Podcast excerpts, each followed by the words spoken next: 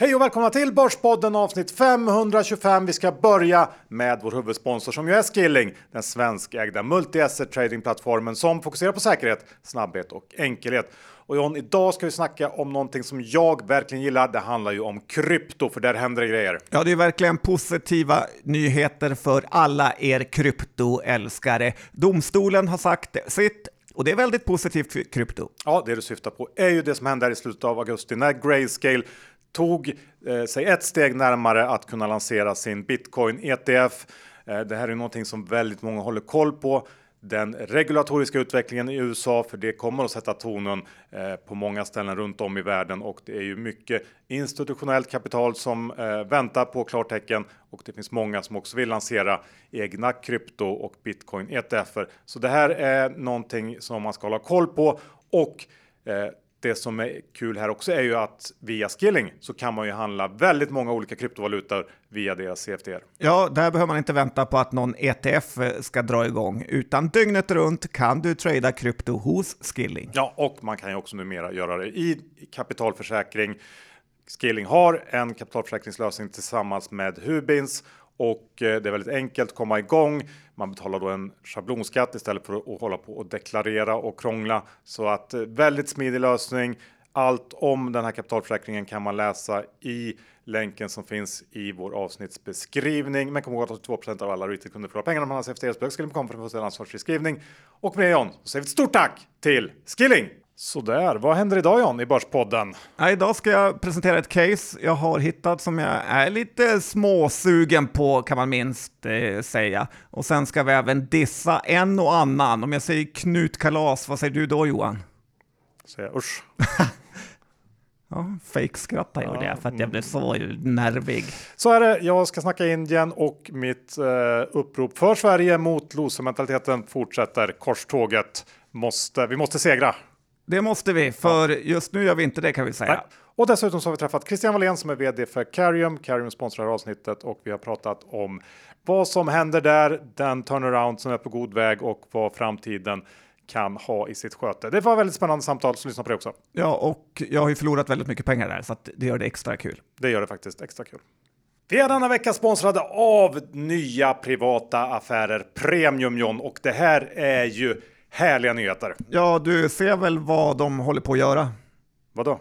Ja, de har ju rekryterat ihop ett Dream Team nu, Helene Rothstein, Love Strandberg. Eh, ja, det här är inte kul för resten av finanspressen att behöva möta det här motståndet. Det är inte, för det är en helt unik börstjänst med då nästa generations börsbevakning och vi har såklart fixat fram ett kanonerbjudande på just privata affärer premium.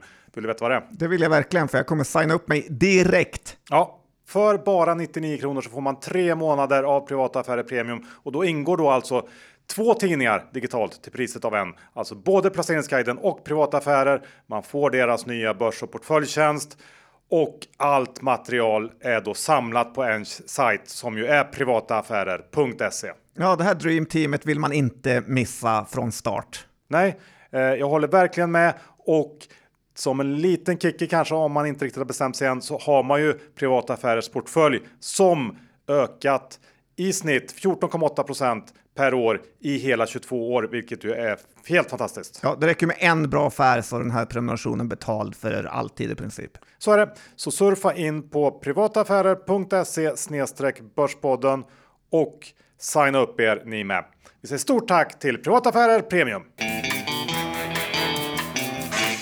Johan, Dr. Bass Isaksson, index står i 2167 och den här Haspi-nivån på 2200 eh, verkar vara allt högre upp. Det är svårt att nå till den ytan igen. Eh, helvetet brakar lös, börjar närma sig och eh, kanske inte på börsen, så i samhället i stort. Eh, det är mörkt där ute just nu och eh, Dr. Bass varumärket har aldrig varit mer värdefullt än just nu. Nej, Eh, så bra sammanfattning tycker jag. Bra intro av mig. Verkligen. Eh, sen så har väl veckan i sig varit kanske lite mer händelsefattig om man ser till index i alla fall.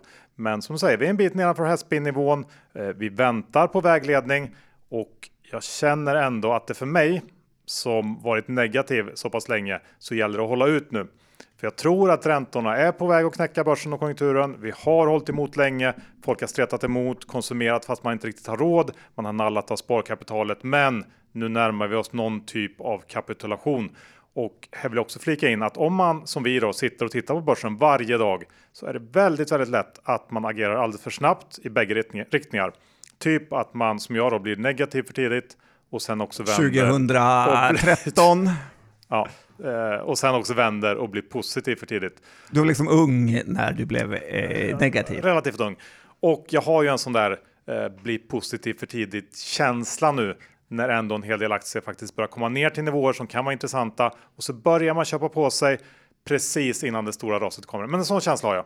Ja, så är det verkligen och det är så otroligt, otroligt lätt att gå in för tidigt. För eh, när börsen går ner så kommer det nästan alltid någon sån här riktig kapitulation där aktierna bara faller fritt för att alla har redan förköpt sig och de som inte har köpt kommer aldrig köpa. Och det är då, det är precis då det går att göra de bästa affärerna. Ja, och för att fortsätta på det här lite bäs-spåret så tänkte jag ta upp en, en sån här typisk grej som hände i veckan och som händer i lite bäsigare marknadsklimat. Det är den här nyheten eh, som kom ut då i veckan om att norska Aternum Capital med den här Vegard Söraunet vid rodret, om man nu heter så. Ja, var det rätt uttalat? Det vet Tveksamt. jag inte. Snackar icke norsk så bra. du vet vad jag menar? Det vet jag. Ja, i alla fall att de hade tappat sin största investerare som är miljardären John Fredriksen. Eh, han stod väl för typ två tredjedelar av kapitalet i den här fonden och det fick då fondens innehav att rasa ganska rejält i vissa fall. Eh, och de sitter på en hel del stora positioner i svenska aktier. Eh, sen gick ju för sig Vegard ut och förtydligade att man inte kommer att behöva vräka ut de här aktierna på marknaden utan Fredriksen han kommer att få sin prorata-andel av innehaven i fonden. Men poängen här är ju att det är precis den här typen av grejer som händer när börsen är dålig. Saker som är omöjliga att förutse och ta höjd för.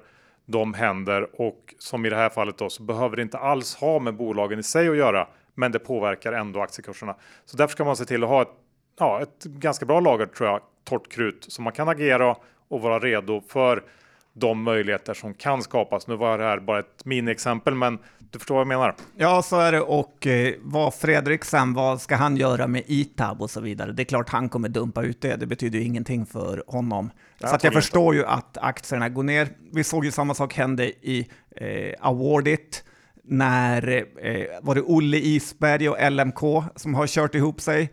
Eh, vad är det med miljardärer? De blir liksom alltid ovänner. Mm.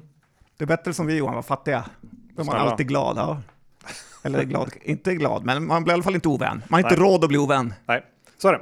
Men det, det, är kul att följa det här, för att det kan ju verkligen bli eh, riktiga fyndköplägen om eh, de här aktierna kommer ner väl, till liksom obefogat låga nivåer. Så är det. Du, eh, vi pratade lite Avanza förra veckan och vi hann ju knappt spela in avsnittet innan nyheten kom ut att man har en ny vd på plats. Knut. Knut med hela svenska folket direkt. Och jag tror inte han är så riktigt glad över det. Eh, lite så här, eh, Knut-kalas, vi sa det innan. Du vet när man tappar livsgnistan, man inte orkar kämpa vidare, att eh, ljuset bara släcks sådär Johan. Det hände mig när jag såg den här Avanzas mini-intervju med Knut. Eh, alltså, ja som sagt då, Avanzas nya vd. Eh, såg du videon som spelades in när man försökte vara ett skönt gäng på Avanza? Ja, men både Knut och tittarna trodde istället att han hade börjat på ett dagis och man såg hur han ångrade sig direkt. Ja, där var det. Ja. ja men den här första frågan eh, ställs om han har knutkalas eller knytkalas när han fyller år, så flackar ju hans blick och eh, ja, man bara ser hur han ångrar sig och han vill därifrån. Eh, det, du får den här känslan som det var på Expressen Fredag, kommer du ihåg det? jag kommer ofta tillbaka till Expressen Fredag. Percy-tårar? Ja, ja, när då eh, Ardis är högst upp på innerlistan. Eh, och hon är ändå etta för att det är ändå hon som är Ardis. Eh, lite så svarar ju Knut att han har Knutkalas för det är ändå han som fyller år. Så är det. Det, det var, alltså, det var, det var så jobbigt. hemskt. Det var ja, det var jobbigt. hemskt. Mm. Och eh, jag vet, jag tror nog inte att det här var den respekten han väntade sig av en så här 21-årig content manager eh, första dagen han klev in på eh, jobbet. Nej, det tror inte jag heller. Men vi får se om man kan liksom skruva om det här lite grann vad det lider. Ja, för eh, han kändes ju ändå, vad ska man säga, brunsten då i den här eh, intervjun. Brunstig skulle jag inte säga, det var nog fel ord. men, eh, spontant känns det som... Eh, Kändes som Rätt rätt kill. person. Ja, men tuffa till Avanza lite. Ja. Det fick jag i alla fall känslan. Jag tror nog, ja men det ska bli kul att se vad det blir av honom. Jag eh, håller på honom, hoppas han börjar med att kicka eh, videomanagern där. Eh, Men sen har jag också lite svårt att släppa det här med att investeraren gick till Carnegie Johan. Att jag får sån här live tour-känsla av att det bara var pengarna som styr, eller Neymar till Saudiarabien-känsla. Ja. Eh, Eller kanske till och med lite sån här Ilja-känsla när han lovade höja utdelningen i hundra år. Ungefär som då att investeraren sa att han aldrig skulle sluta på Avanza. Men hux flux ville han jobba med kompisar. Eh, hade han inga kompisar på Avanza eller? Eh, jag vet inte, men jag har lite gett upp eh, honom nu. till skillnad från tidigare. Ja, då var, då var det vi. Då- Ja, nej, eh, spännande grejer att följa bägge två faktiskt. Och vi går raskt över till Dagens Industri om, för de har rekat Cloetta. Det har de gjort. Läste du den köpreken, veckans aktie? Nej, jag har faktiskt inte, jag bara läst att det var Cloetta, eh, men inga argument. Så du kan ju gärna berätta för mig. Ja, eh, men efter jag läste den här köpreken så blev jag ju väldigt eh, mycket mer negativ. Köpreken handlar väldigt stort om att det är för billigt just nu. Men det här fabriksbygget i Nederländerna är ju redan nu jätteförsenat, verkar det som. Man håller just nu på att ta in offerter för bygget. Nu alltså tar man in offerter. Förstår du hur lång tid det här kommer att ta då? Det är inte direkt så att man slår upp en ny fabrik på ett år och trimmar in den, utan det här kommer ju ta många, många år och eh, det kommer bli mycket förseningar. Och förseningar innebär ju en sak, Johan. Det blir dyrare. Ja, fördyrningar.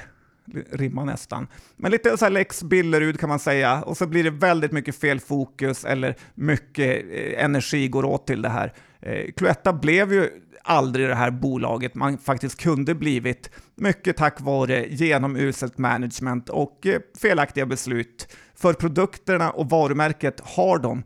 Eh, men det är som att ledningen och ägarna slarvat bort det här. Eh, Men är inte det här bara någon slags eh, lurig och långsiktig plan från de här Malfors, Maltfors, Promotor eller vad de heter som äger? jag tror de är för dumma för det. Som Och bara vill vänd, trycker ner och ner Men det och här, ner. nej, för du är för okunnig Och om det här sen Johan. köper de upp det. Ja, om det kanske hade varit Gardell eller någon annan så hade det varit så. Men, den det här är den här ju... fabriken kommer aldrig byggas. Eh, nej, det, det här är ju en stiftelse. Malfors Promotors är ju en stiftelse, utan det här är ju inga genier som rattar den, utan det är Vet snarare de kör det. om John. Känns som att jag vet mer än dig i alla fall. Och det är därför Cloetta aldrig blivit utköpt heller, för att det är ju- just en stiftelse eh, som äger dem. Men jag säger bara, kom ihåg Billeruds fabriksbygge, eller varför inte Nobias eh, nya automatiserade fabrik i Jönköping, som också har blivit ett haveri. Nya fabriker är grunden till att eh, skapa sig eh, bolagsproblem. Å andra sidan så måste det byggas nya fabriker om man ska växa och bli stor. Ja, ofta är det ju bättre att bygga ut lite långsamt eller eh, komplettera, inte att helt bygga ett nytt, eh, ja, en ny fabrik. Ja, vi lämnar fabriksdiskussionerna John tycker jag, eftersom ingen av oss riktigt eh, har det som hemmaplan. Inte helt nej. Nej, nej.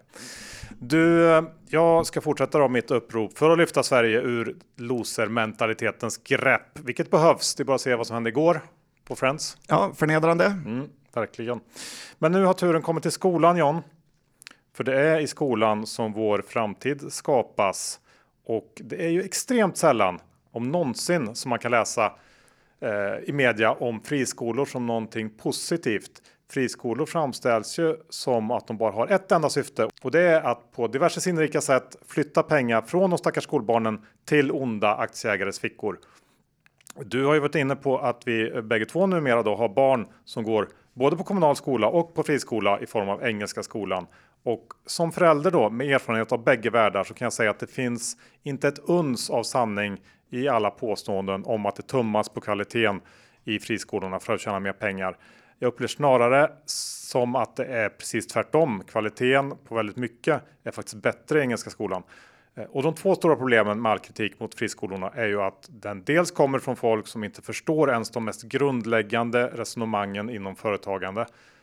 För att ett bolag ska kunna gå med vinst så måste det skötas på ett bra sätt. Kunderna måste vara nöjda och kvaliteten på den vara eller tjänst som levereras, den måste vara god. Och nöjda kunder, det leder till ett gott rykte som i sin tur ger nya kunder. Och precis så fungerar det även i friskolevärlden. Så att Engelska skolan, att de tjänar lite pengar som kan gå till utdelning, men som också behövs för att kunna återinvestera i verksamheten.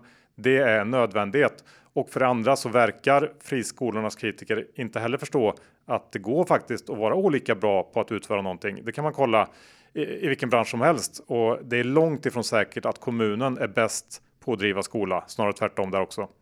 Men det jag vill komma till här, det är ju att den här häxjakten som media har bedrivit eh, Eh, under många år skulle jag säga på grundaren av Engelska skolan, den här Barbara Bergström som man har lyckats framställa som löjlig och, och liksom, ja, på alla möjliga konstiga sätt försökt förnedra. Den tycker jag är fruktansvärd. Vi behöver många fler personer som Barbara och inte färre och borde ju därför hylla det som hon har åstad lyckats åstadkomma i den här väldigt, väldigt tungrodda och byråkratiska branschen. Ja, men det är som att man tror engelska skolan är något eh, eh, som borde gå med jätteförlust jämför, för hur bra den fungerar jämfört med de kommunala skolorna. Men det är väl det som är grejen, som vi har sagt många gånger förut, att det är så otroligt lätt att konkurrera med kommunal verksamhet för att de är så genuint usla. Så eh, är det nog helt enkelt. Vi går vidare John till eh, lite breakit-rapportering. Ja, det tycker jag. Eh, jag vet inte om du har följt det här, men en lista som jag skrattat mycket åt sista tiden är ju Breakits eh, påhitt Powerplay of SAS. Eh, har du läst om den? Nej, vad är det för någonting? Ja, men det, Breakit har listat de 199 viktigaste personerna inom SAS-branschen, varav 190 av de här är ju typ eh, tier 8 personer som är helt oviktiga. Det finns inte ens 199 viktiga SAS-personer i Sverige. Och eh, jag förstår inte hur dumma folk är som är med på den här listan, som inte förstår att de är utsatta för ett reklamtrick för att gynna Breakit genom att svinstolta lägga ut på LinkedIn att så, här, så stolt över att varit med på Power Player of SAS-listan på plats 187. Eh, nej, det här har jag mått riktigt dåligt eh, av faktiskt. De är smarta där på breaket. Ja, det är de. Ja, göra. vet. Ja. Man vet hur man... Ja. Skapar lite snackisar. Mm. Uh, då kanske det ligger nära till hands också att vi kan prata lite om fake-konton på sociala medier. Ja, men vi kan väl bara säga lite kort om det, för det börjar bli ganska tröttsamt att det är en enorm mängd av olika fake-konton, inte bara vi är drabbade, men eh, vi är definitivt drabbade. Det dyker upp hela tiden nya konton i BPs namn på eh, framförallt Instagram och visst, ja, vi gillar pengar, men vi kommer inte bör börja följa er och sen chatta med er och eh, försöka lura in folk i olika krypto-trades. Eh, eh, det är ändå ganska avancerat upplägg tycker jag i det här bluffmakeriet. Så att Börspodden är enda kontot man ska följa på Insta, så skippa resten. Eh, jag vet ju egentligen att alla som lyssnar egentligen är för smarta för att gå på det här, men det kan ändå vara värt att eh, påpeka. Ja, man vet aldrig. Om det inte är något av dina konton, Johan. Nej, det är det inte. Lite kryptovarning är det då över mm, dig. Mm, faktiskt, men jag, jag, har inte gjort några sådana propåer, jag har inte gått ut med. Okay. Du, Jag tänker vi går över till lite bolagssnack och eh, det har ju varit tufft inom eh, den här vårdbemanningssektorn. NGS är ju ett sådant bolag som eh, fått känna på det. Ja, och det här är ett bolag man har följt under flera år, till och med gillat eh, eh från och till. Men det här är ju verkligen ett tecken på att man inte alltid tjänar pengar på att vara långsiktig. Eh, NGS-aktien har gått från toppen på ungefär 60 kronor till nu 8 Eh, och eh, den som inte känner till NGS så är det ju som du sa, kanske en dålig Dedicare-kopia kan man säga. Eh, för någon som inte har koll på bolaget, en under 100 miljoner i börsvärde här. Men eh, börsvärdet är nu kring 70 miljoner och eh, i måndags så eh, kom nyheten att man tog en nedskrivning på 100 miljoner kronor för goodwill. Eh, lite får man känslan här att eh, revisorn ska bli av med sin licens eller något eh, för att inte ha gjort det här tidigare. Ett bolag med börsvärde på 70 miljoner ska inte kunna skriva ner 100 miljoner i goodwill. Eller vad säger du? Nej, visst, jag håller med. Och det är ju att sådana här bolag ska man egentligen inte äga och de här små och mikrobolagen är ju små och mikrobolag för att de oftast är dåliga. Ja, det, och dessutom då en bransch med någon slags motvind. när eh, vården vill försöka dra ner på den här typen av eh, konsult liksom, jobberi. Ja, och att man har satt, satt på fel eh, sektorer. Dedicare har tjänat mycket pengar i Norge, NGS har inte haft någon verksamhet där, utan bara kämpat på här i Sverige. Och med socionomer och allting. Ja. Det har inte gått så bra. Nej. Och från Norge John, så är inte steget jättelångt till Indien, eller? Det är ganska långt. Ja, men om man åker flygplan så går det snabbt. Då går det fort. Och då tänker jag på Truecaller såklart. Alltså, Den kopplingen där. ja, det är mycket snack om Truecaller nu. Vilken succé det var för eh, dem att eh, sponsra AIK och sen liksom bli hånade av Hammarby. Men eh, i grund och botten gynnar det ju Truecaller mycket. Ja, faktiskt. Även om, jag, om man ska liksom ranka Truecaller-ledningens olika beslut så är väl den här sponsringen av AIK det överlägset sämsta de har gjort. Eh, Varför för då? Det, ja, för det går ju inte på något sätt att motivera pengarna. Ja, ändå kul att plöja ner lite pengar i svenska idrotten. Det är möjligt, men, det- men det kan man ju tycka att det kan ju... Det kan inte vara så dyrt heller. Nej, men några miljoner ändå. Det känns ändå som att... Ja, ja, ja den känns tveksam. Men det var inte det jag skulle prata om. Det är Utan, viktigare att Borspodden sponsrar Ängby tennisplan. det, är, det är Det, våra pengar. Eller hur? Ja, eh, Truecallers pengar är ju aktieägarnas pengar. Och jag är ju aktieägare där till exempel. Och jag skulle inte röstat ja om jag fick rösta kring sponsring av AIK. Men det jag tänkte komma till var ju att Truecaller som bolag går ju från klarhet till klarhet. I veckan gick de ut med att eh, man den 5 september nått 300 miljoner dagliga aktiva användare, vilket i sig är ju en fruktansvärt imponerande siffra. Eh, men det intressanta här är att det gått snabbare än väntat. Eh, vi har pratat om det i, när vi pratade om Q2, att det var en acceleration i användartillväxt under Q2.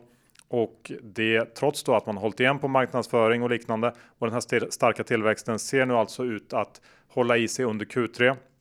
Och eh, jag tolkar det som ett tecken på att man är väldigt lyckosam på marknader utanför Indien och att fler mindre marknader nu börjar ta fart på allvar. Och den här typen av data som visar på hur bolaget går underliggande, den är viktig för att annonspriserna eh, har ju gått ner en del senaste året.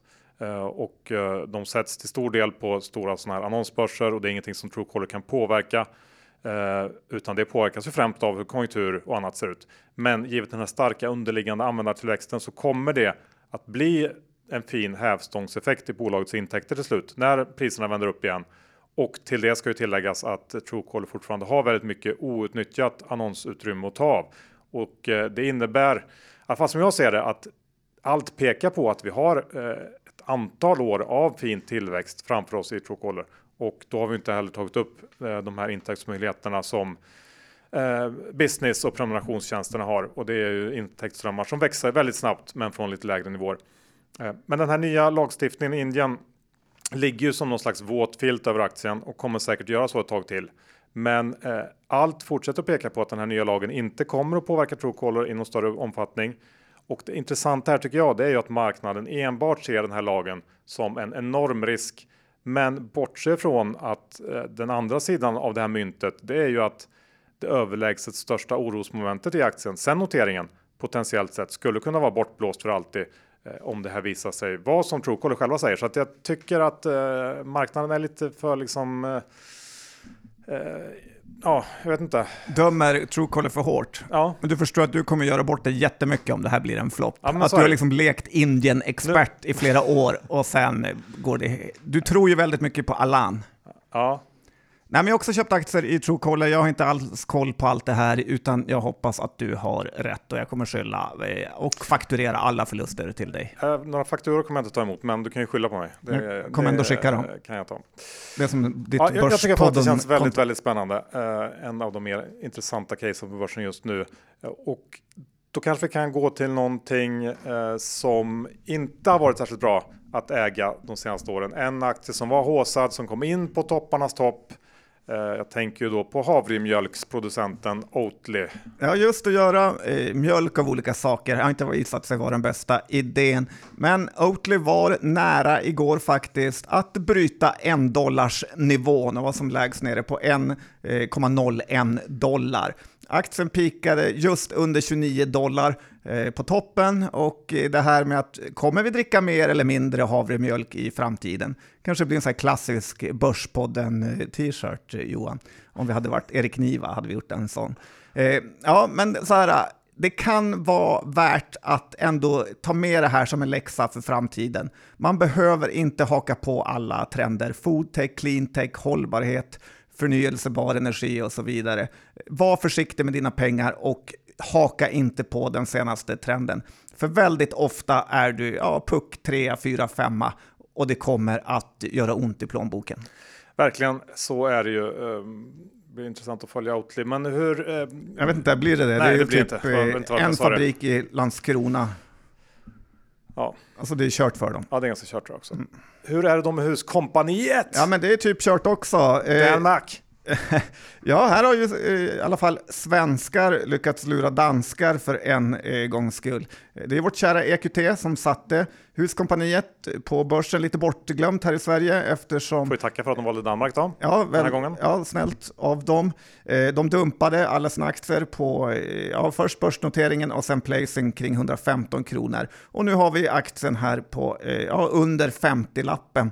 Och det är ju fakta att det verkligen inte vill sig för nybyggnationsbolagen och inte bara i Sverige att det är omöjligt att få någon fart på dem just nu och eh, den här eh, typen av aktier rör sig inte och det är förmodligen för att det är helt nattsvart i den här sektorn eh, fortsatt. Så att jag tror man lugnt kan vänta ett tag till innan man börjar bottenköpa JM Bonava och även kanske andra fastighetsbolag som har levt lite på projektutveckling. Eller Technion. Eh, där har du Johan Stene. It's a wonder. Där kan man köpa hus, husbyggarbolag till P30 om man vill. Ja, jag såg Bråsa ut och skrev något småneggigt där. Ja, eh, gör man som man vill med. Och, eh, Alla pengar kan inte vara i Indien Johan. Nej, det kan de inte. Du, eh, för några avsnitt sen så började vi snegla lite grann mot eh, konsumentaktier. Kommer du ihåg det? Ja, du gav en mycket märklig lista, bara rapa upp olika namn. Ja. Så fick jag säga något. Ja. Ja, jag hoppas det Jag kände att det var inte högkvalitativ börspodd. Ja. Nu blev du sur. Jag vet inte vad... Till, vad ska du säga? Vad var till skillnad från att ta upp Oatly och säga att den har gått från 29 till 1 dollar. Ba, Nobia, ja. 3. Clas Ohlson, ja. Ja, var, Hoppas var, du levererar bättre idag säger jag bara. Jag bara kastade upp några bolag i luften då. Ja. Gav dig möjlighet att tycka och tänka. Ja. Vilket du brukar gilla. Men eh, vi var väl ändå, undertonen var ändå sådär att ja, kan det börja vända? Var ju vår under, men det känns som att det var lite, vi var lite tidiga på pucken. Ja, utom Clas Olsson då. Ja. För de har ju i alla fall levererat. Faktiskt. Men all data som kommer in pekar väl mot att det fortsätter att bli tuffare för ja, både bolagen och konsumenterna för varje månad som går egentligen. Och i veckan så tappar ju Thule rejält på börsen efter att eh, en av bolagets återförsäljare, de här amerikanska Sportsmans Warehouse, har du handlat där? Nej. Känns som att det är något som du skulle kunna ha gjort. ja. Men de kom i alla fall in med riktigt usla siffror eh, och kommentarer om svagare efterfrågan, ommattning i butiksbesöken och att man ska minska på lagernivåerna här under det andra halvåret. Och eh, eh en annan stor amerikansk återförsäljare, Dicks Sporting Goods. Där har du handlat. Det har man gjort. Det har du gjort. Inte så lite eller? Där kan man handla sjuka saker. Ja. De, de kom ju med liknande besked för ett par veckor sedan och eh, det är ju möjligt att det är nu i höst som då konjunktur och räntor på riktigt slår igenom i alla konsumtions eller konsumentbolag egentligen och att det blir lite grann som att köra in i en vägg. Thule och en hel del andra konsumentrelaterade aktier har ju sen i våras gått väldigt bra, men det börjar mer och mer kännas som att börsen tjuvstartade lite och att vi ska ner en vända till i de här bolagen innan det är läge att gå in. Vad har du för tankar kring det? Ja, men jag håller helt med. Mips har vi sett eh, försvagas också. New Wave har gått dåligt på börsen. Excel Sport här kommer med sin eh, eh, ja, nyemission som de genomförde på extremt låga nivåer. Jag var faktiskt på Excel Sport igår och slogs över hur enormt usel eh, deras butik är och att de bara har liksom, eh, känns som andrahandssortering. Så att nej, det, det, är inte lätt för de här bolagen eh, just nu. Nej, ja, och jag tror att det kommer vara så. Och Ett... Thule och Mips och de här har ju enorma fallhöjder i grund och botten för hur eh, dyrt det är. Verkligen, så är det, både aktien och deras produkter. Dock cykeltrenden är ju full fart när folk inte kanske har råd att köra bil. Mm, men ändå. Long shot. Man kan ju köpa begagnade cykelställ till bilen eller något. Ja. Istället för lägga 15 000 på en ny från Thule. Känns bara som att det är premiumprodukter som man inte riktigt kanske heller vill betala upp för i det här läget. Nej, även mycket så här campinggrejer och saker. Ja. De har ju någon flagship store på eh, Kungsgatan här i Stockholm, så vill man kika på eh, Thules svindyra produkter så kan man gå dit och titta. Det kan man göra. Och John, det för oss till det vi har väntat på här hela avsnittet, ditt case. Du har inte ens berättat för mig vad det här är för något sjukt. Nej, för att jag vill berätta live så att du eh, förstår. Eh, men vi har ju en tradingkompis som vi båda håller högt, eh, som brukar säga att när han har tagit ett stort bett så har han hängt ut den. Mm. Det, där kände du hur några sponsorer höll på att försvinna. Nej, men jag gillar det, att han har hängt ut den och han tagit ett stort eh, bett. Jag vet inte om det är bra eller dåligt, börjar kännas dåligt när jag säger det så här. Men eh, man skulle kunna säga att jag har gjort det nu, för nu har jag hittat ett case jag är superhåsad till och eh, faktiskt köpt aktier för ett eh, par miljoner här nu bara sista dagarna. Och jag är lite, lite rädd att jag ska förköpa mig här och försätta mig i en jättedålig eh, situation. Det känns som att det är precis sånt läge på börsen också, ja, där man gör det. Ja, precis sånt läge är det. Men, och det här caset är ju Sobi, Johan. Oh. Och då tänker du, vad, jag såg det, du är, liksom, du är ingen bra kompis, det ska du veta. Men vad kan John Skogman om sällsynta sjukdomar? Det, kanske, du, kanske du frågar dig? Ja. Det frågar du dig, ja. ja. Verkligen. Men det är inte så mycket. Eh, däremot är det jag... Är väl, det enda du har där är väl att du är läkarson? Ja, det har jag med mig, så att det är grunden, att det sitter i ryggraden. Men... Så har någon slags semi-läkarutbildning från barnsben? Ja, lite så. Hört ja. om det varje, varje dag. Nej, men så här, jag är ju ändå lite, och det som har tagit mig hit, att jag är ju lite mannen som kan prata med aktier. Och just nu... jo, jag är det Johan. Du, okay. mm. Säg att jag är det. Ja, du är det. Ja, tack. Eh, och nu pratar Sobi med mig, tycker jag. Eh, det har ju hänt att de har ljugit för mig ganska ofta, men ändå. Eh, nyemissionen här, vill du höra argumenten? Ja, visst. Nyemissionen är ju snart klar här eh, efter jätteförvärvet av CTI Biofarma som kostade 17 miljarder kronor. Och vad, vad gör det bolaget då? Ja, men det är så här lite blödarsjukdomar och grejer. Det, alltså, det, lite... det, är för avancerat för att sätta Men de har lite preparat ute som säljer då? Så. Ja, mm. och det kommer liksom inte ge mig något om jag börjar det, eh, undersöka nej, det. Det ifrågasätter jag inte. Nej. Eh, I alla fall, förvärvet kostar 17 miljarder, hela Sobi är värt Billigt. 78. Eh, och det här förvärvet kommer göra ganska stor impact på vinsten. Marknaden gillade inte det här förvärvet från början för att det var för dyrt. Eh, men nu så är det ju så att man kommer tjäna väldigt mycket av sina pengar i dollar, eh, vilket är ju väldigt bra nu. Och sen generellt värderas ju läkemedelsbolag väldigt högt. Man kan säkert få lite så här snålskjuts från Novo och Astra vad gäller skandinaviska läkemedelsbolag från utländska investerare. Eh, sen har ju alla analytiker som följer Sobi höjt dem. Nordea har höjt till 295, den står ju typ just under 120 nu. Eh, Handelsbanken höjde nyligen till 335. Eh, ja, 2023 är inte året där det avgörs, utan snart tittar vi in i 2024 med vinsterna därifrån. Och eh, ja, då tror analytikerna att Sobi kommer tjäna strax under 15 kronor. Så jag tycker att det här verkar, det, det har goda möjligheter att bli en eh, bra affär. Mm. Äh, men jag har ju hört dig prata om det här. Ja. Jag har ju köpt lite eh, aktier det... på din rek utan att du vet om det kanske. Okej, okay, ja. Bara för att du har varit så otroligt positiv. Ja. Sällan du är Och det är lite därför jag hatar mig själv när jag blir så här jätte... Under två... Det är precis som man gör bort sig, att under några dagar så blir man jättehåsad till ett case. Ja. Och sen... Och på, eh, om jag får säga det, väldigt lösa boliner. Lite så ja. Alltså det, det, är ju verkligen att du tycker att aktierna pratar till. Det är ju den typen av analys. Ja, ja inte men, mycket mer ändå. Men det som jag pratar du får inte bli skottrad heller.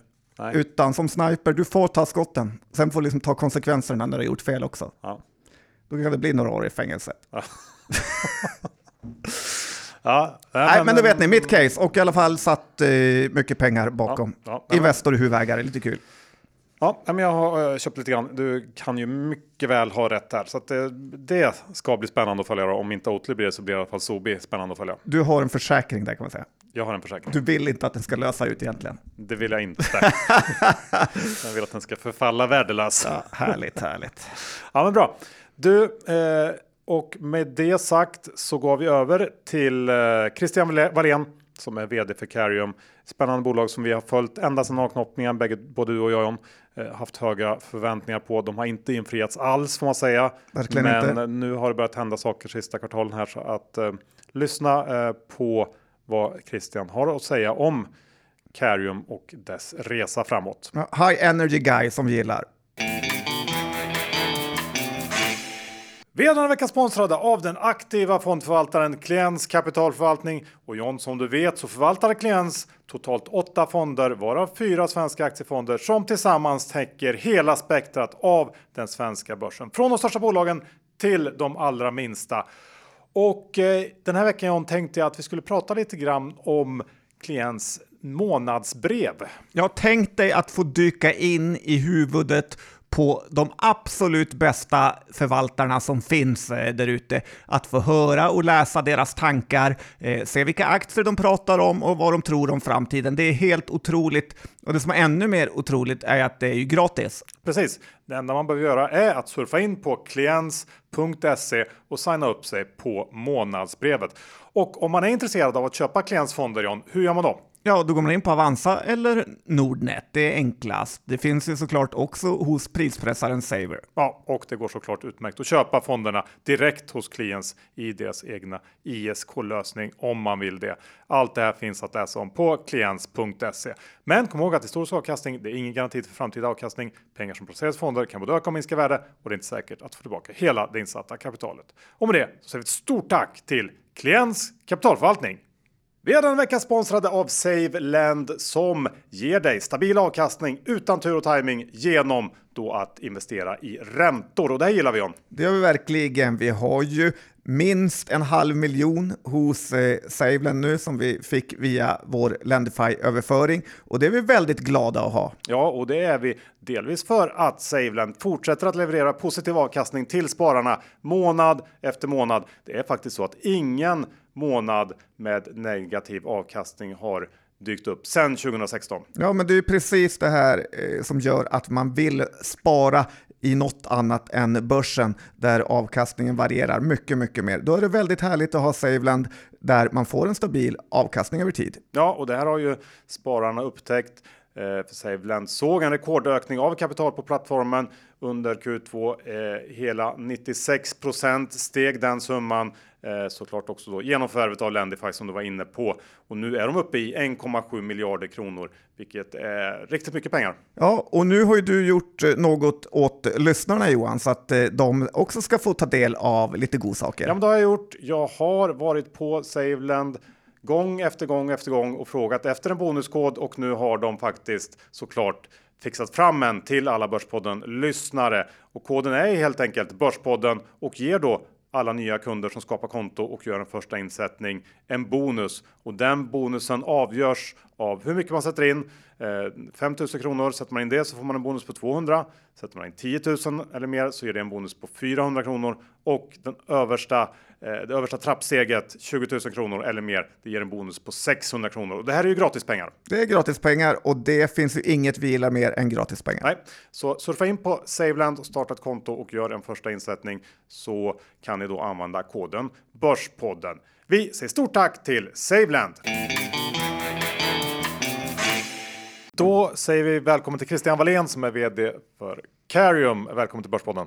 Stort tack. Det är en ära att vara här. Brukar du lyssna på Börspodden?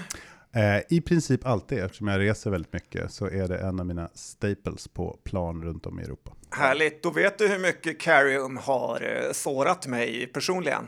Jag har ju förstått det, att det är ett eh, djupt sår som vi tyvärr har åsamkat Ja, jag trodde verkligen på den här avknoppningen, köpte aktier och panikerade på botten. Så att jag räknar ut idag att jag förlorade ungefär 350 000 på den här traden. Men det är inte det värsta. Vet du vad det värsta är? Nej, berätta, vad är det värsta? Det är ju de enorma mängder hån jag har fått för att jag är så lik er förra vd. Ja, nu, nu, när du, nu, när du, säger det så är det svårt att inte instämma. det var ju inte liksom så att det regnade tjejer på mig innan och eh, när den här liknelsen kom ut har det ju varit helt eh, dött. Men det är en annan fråga. Eh, vi lämnar den grejen och jag tänkte Christian, hur, hur kommer det sig? Du är ganska ny på vd-posten. Eh, här i år till och med. Så pass nytt är det. Hur gick det till? Vad har du gjort innan och varför? Hur kom det sig att du blev vd på Carium?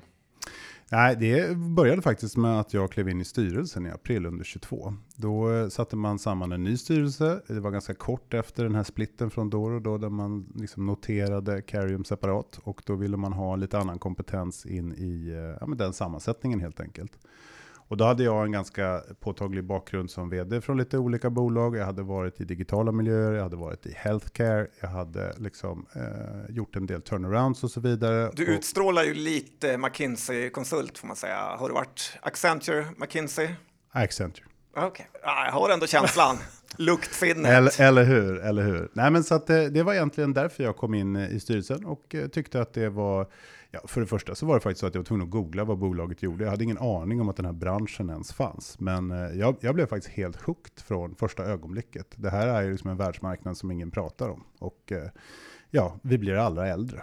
Och vi kommer ha ett samhälle som ska klara av att hantera det. Och det är nästan ingen som pratar om det på ett meningsfullt vis. Och, och då, då, passar det bra att du berättar kort för de som inte känner till Carrium. Vad, vad gör ni på Carrium?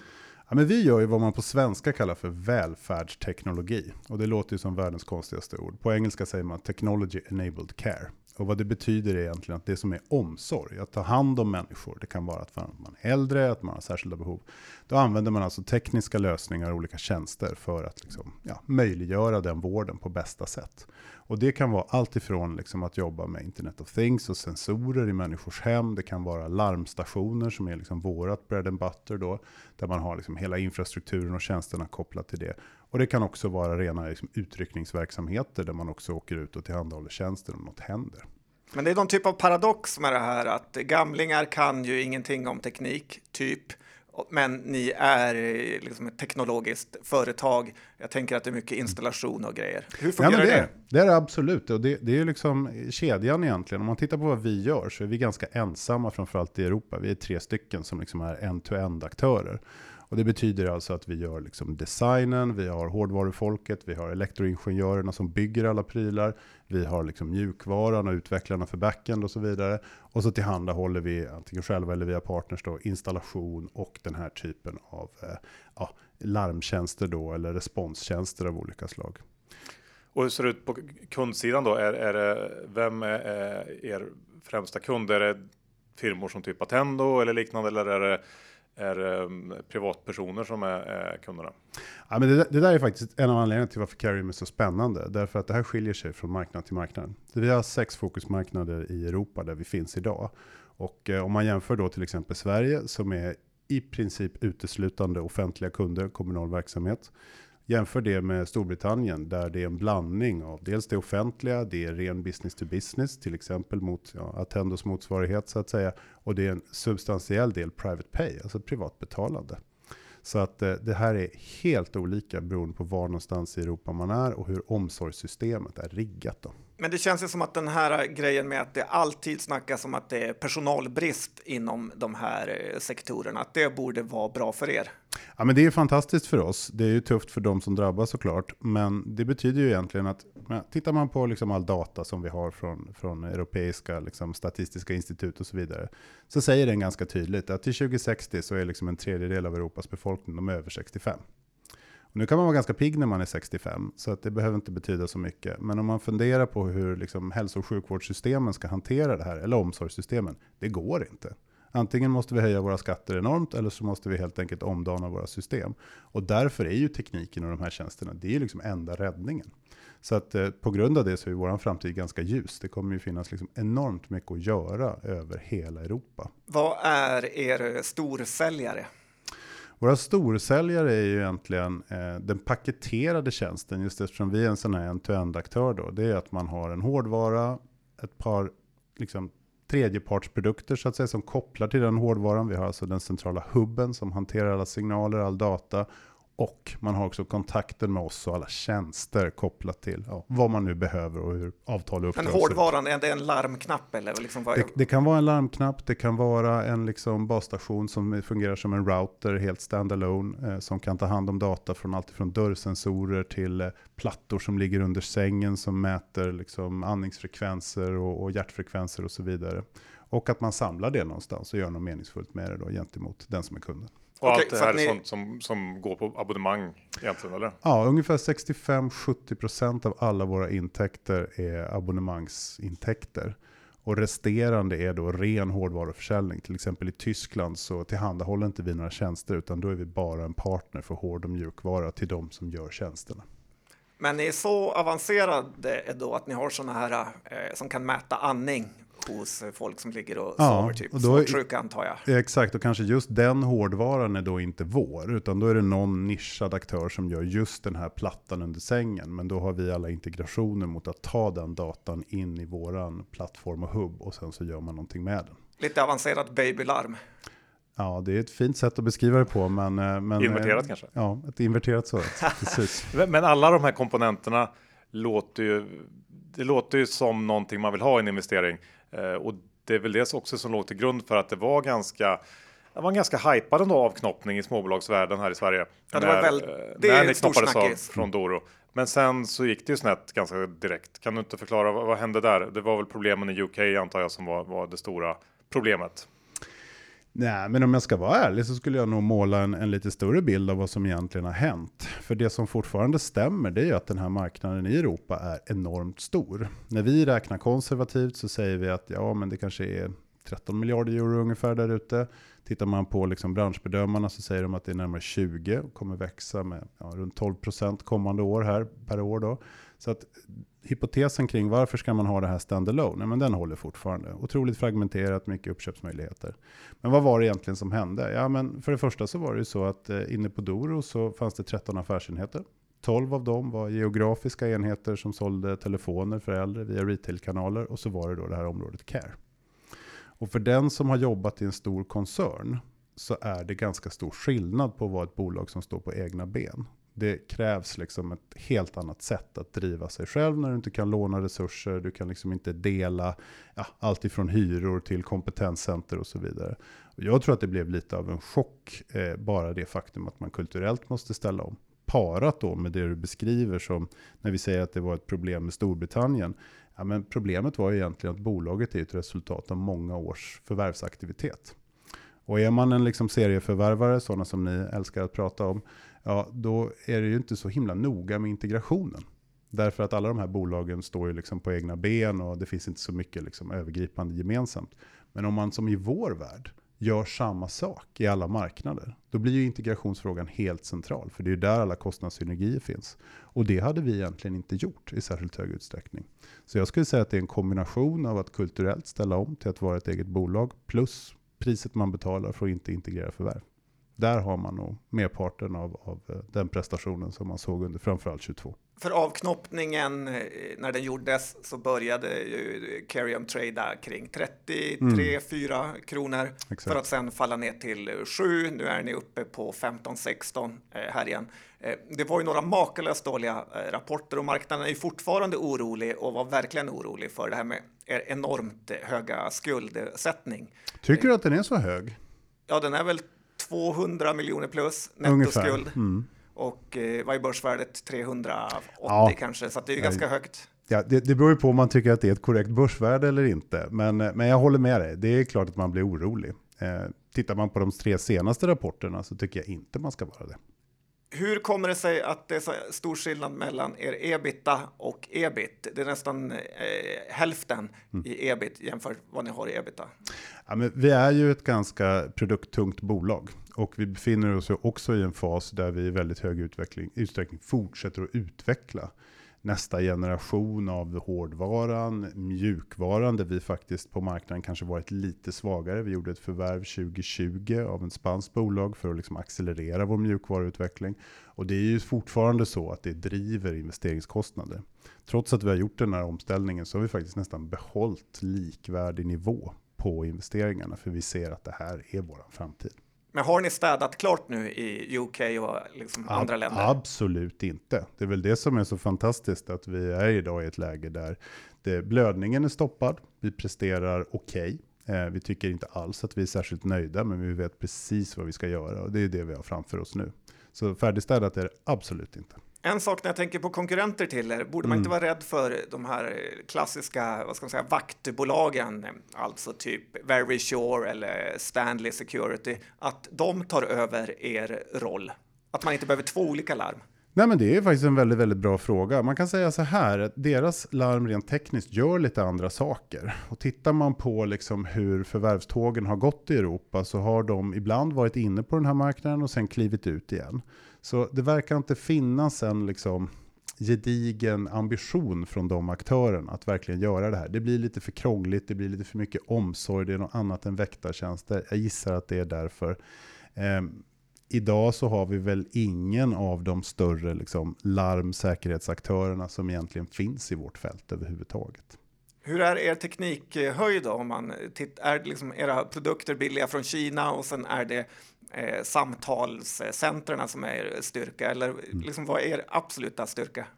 Nej, men jag skulle säga att den absoluta styrkan är tekniken. Sen kan man ju precis som vi producera i Kina eller på andra platser, men att man har design och utveckling eh, ner på nivån att man ritar kretskorten själv och så vidare. Det gör ju vi det sitter ju våra ingenjörer och gör på daglig basis.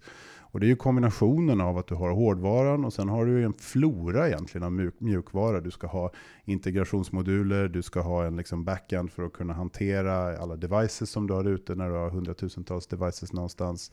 Och det är liksom kombinationen av alla de sakerna. Själva liksom larmmottagningen, den delen av tjänsten, det är ju den som är lättast att kopiera i någon mån. Men det andra är ju inte det. Jag vill gå tillbaka lite till det här sa om att um ni är liksom inte alls klara när det gäller att städa och, och sådär. Eh, tittar man på de senaste rapporterna där så beskriver ni hur ni har ja, slagit ihop de här olika enheterna i, i, UK och ni har avslutat kontrakt med dålig lönsamhet och så vidare. Vad, vad finns det kvar att göra framåt? Vad är det som, eh, som du ser där, att det fortfarande finns potential i? Nej, men eh, vi har potential både på liksom topline och på ebit-sidan. Därför att vi har eh, mycket att göra kring positionering av erbjudande, gå för en del marknader som vi inte alls har tillräckligt mycket resurser bakom. Eh, trots att de är enormt stora. Vi har ju en, en, liksom, en nordisk bas. Och det är lite problematiskt för Norden hjälper oss att ha en väldigt hög teknisk nivå, vilket liksom stärker oss i konkurrensen. Men det bor ju trots allt ganska få människor i Norden.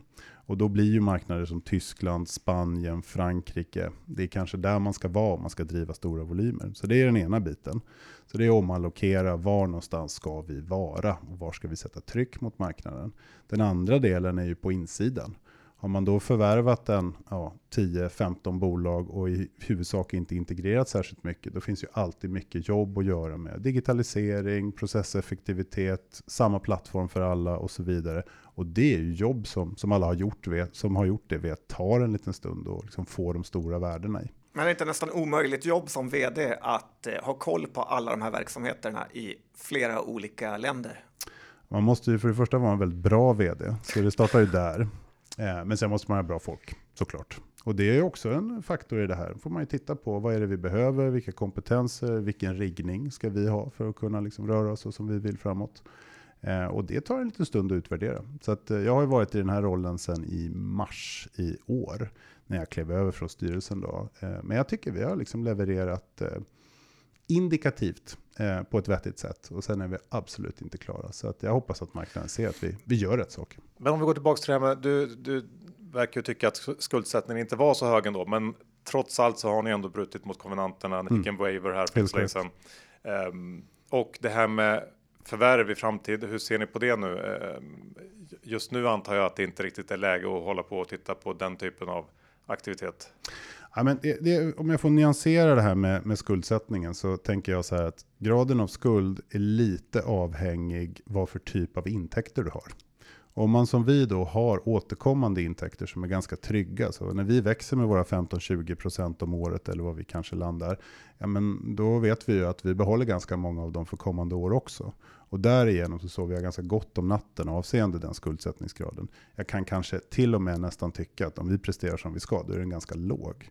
Så hypotesen kring vidare förvärv, framförallt i det europeiska landskapet, den är ju fortfarande ja, fullt rimlig och någonting som vi behöver utforska. Ska man verkligen spänna bågen lite grann, då kan man väl säga att så här, det går ett litet konsolideringståg. Det som finns kvar är ganska fragmenterat i Europa.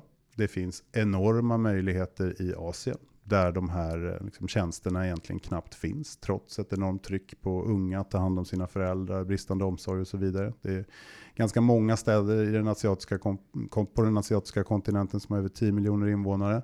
Eh, Portugal har inte så himla många mer. Liksom. Eh, men framförallt så är det en fråga om USA. USA är 34% av världsmarknaden för den här typen av tjänster. Det är den absolut starkaste marginalen. Det är också väldigt, väldigt intressant. Får du resa ännu mer? Hur många dagar, resdagar har du på en månad? Det vågar jag inte ens tänka på. Vi får fråga min familj. Vad, du gick från styrelsen. Känner du inte att, du, att ni var lite sloppy där som lät det gå så illa? Eh, man, I alla fall som jag följer aktiekursen mest innan du fick kliva in och ja, styra upp det. Och vad var det viktigaste du gjorde när du eh, började som vd? Ja, men det, det, viktigaste vi gjorde faktiskt, om man backar tillbaka, det var att när vi ändrade styrelsesammansättningen så tror jag att det kom in fler personer som sa att det här funkar inte. Och det ledde till att eh, styrelsen la fram och eh, la på verksamheten att nu får ni göra ett omstruktureringsprogram. Och det hade väl inte riktigt hänt tidigare. Det första kvartalet eh, 22 gick väl ändå okej okay, och sen så kom Q2 och Q3 därefter. Då. Och det programmet fick drivas igenom otroligt tufft. Vi fick ta in en interim-vd för att göra det. Eh, Maria Korsan som hon heter är idag styrelseordförande som finns kvar i verksamheten. Fantastiskt bra. Eh, leverera det bra och kunna landa ett eh, Q4 som åtminstone pekar i rätt riktning. Och tittar man på initiativen så handlar det väldigt mycket om eh, integration, förtydligande och självklart också då att vi reducerar vissa aspekter av vår organisation. Eh, flyttar de resurserna någon annanstans eller byter ut de resurserna mot andra sätt att jobba på. Men det här med USA lät ju extremt lockande. Mm. Är ni, när är ni på väg dit då? det vågar jag inte säga. Vi ska, vi ska göra ordning först. Vi ska städa så att vi presterar på ett, på ett sätt där vi om vi själva får välja då, liksom växer mer än marknaden och såklart också vill gärna vara mer lönsamma än marknaden. Vi tycker att vi levererar liksom bättre hårdvara, bättre mjukvara, bättre tjänster och då borde vi ha ett liksom premium på det och en bättre marginal. Vad, vad, kan det vara? Finns det några siffror kring lönsamhet och så som man kan sikta på? Ja, men tittar man på branschen så, så finns ett litet mått av liksom stordriftsfördel. Jag skulle inte säga att det är absolut, det är inte ett sånt spel liksom hela vägen, men det finns där och vi är väl inte riktigt där där vi liksom kan skörda det fullt ut. Jag skulle säga någonstans mellan liksom 8 12 procent är väl ungefär där man kan se att marknaden ligger och man, man ligger i ett okej okay spann på ebit-nivå. Mm. Exakt. Ja. Mm. Jag eh, blir ju liksom imponerad av det mesta du säger här. Jag känner ändå att jag vill hitta något sätt att kanske såra dig på. Eh, eh, för att vara even Steven för allt ni gjort mot mig. Nej, men varför äger du bara 42 000 aktier eh, omkring där? När det ändå, du låter så extremt eh, positiv och eh, förhoppningsingivande eh, för framtiden? Nej, men jag har väl bara börjat att köpa ordentligt. Så att jag tänkte väl följa med bolaget här under ett par år. Då får man ju liksom öka på längs med vägen. Sen är det ju så att sitter man här med storfinansen så är det ju olika plånböcker. Va? Så att eh, det som är eh, kaffepengar för dig, det är kanske mycket för mig. Tvekar jag på. Men vi känner ju Kristoffer Häggblom, Right Ventures, mm. gammal Remiumit. Hur är han att jobba med? Eh, jag tycker att eh, vårt ägarled är ganska kul faktiskt. Jag berättar lite om det. Ja, men vårt ägarled består egentligen av en finsk, eh, ja, de säger väl att de är en aktivistfond. Jag, tycker att de är ganska eh, trevliga och städade som heter Ascendo som har funnits i ja, 15 år, firade de här i för förra veckan. De är väl kända för något annat har jag för mig. Remedy, Hexatronic som ni pratat en del om. Mm. Stora där. Eh, jätteduktiga, otroligt eh, fin utveckling över liksom, de här 15 åren jämfört med mycket annat. Och sen har vi då Right som är näst största. Sen har vi Nordea Eh, deras fondbolag som inte är helt obetydligt heller. Och sen så har vi då via bolag en del eh, större aktörer. Vi har, vi har, en imponerande ägarlista men den kanske är framförallt aktivitetsmässigt är koncentrerad till Right och Accendo och Nordea. Och vad, om man då är aktieägare i Carium nu, vad ska man förvänta sig, sig kommande året här? Eh, vad, vad tycker du man ska hoppas på? Ja, men det, det, man ska leta efter och titta på tycker jag, det är att man ska se att vi ihållande fortsätter att prestera liksom, på rätt kurva, på, på rätt linjär utveckling. Det är ju liksom det vi tycker att marknaden förtjänar. Det är ju nu man ska kliva på eftersom, eh, ja, får jag ge ett tips till dig här då, att eh, nu, nu går väl tåget uppåt då förhoppningsvis. Där vi fortsätter att leverera på den här nivån. Sen är det intressanta, det är ju om vi kan rapportera om att vi får bra marknadsrörelse i någon av de viktiga marknaderna. Att vi kanske lanserar nya typer av erbjudanden, kanske framförallt på mjukvarusidan. Det är väl sånt som jag tycker att man ska liksom spetsa öronen efter och se som spännande signaler. Och att det på något sätt då ger ger utslag i form av organisk mm. tillväxt helt enkelt.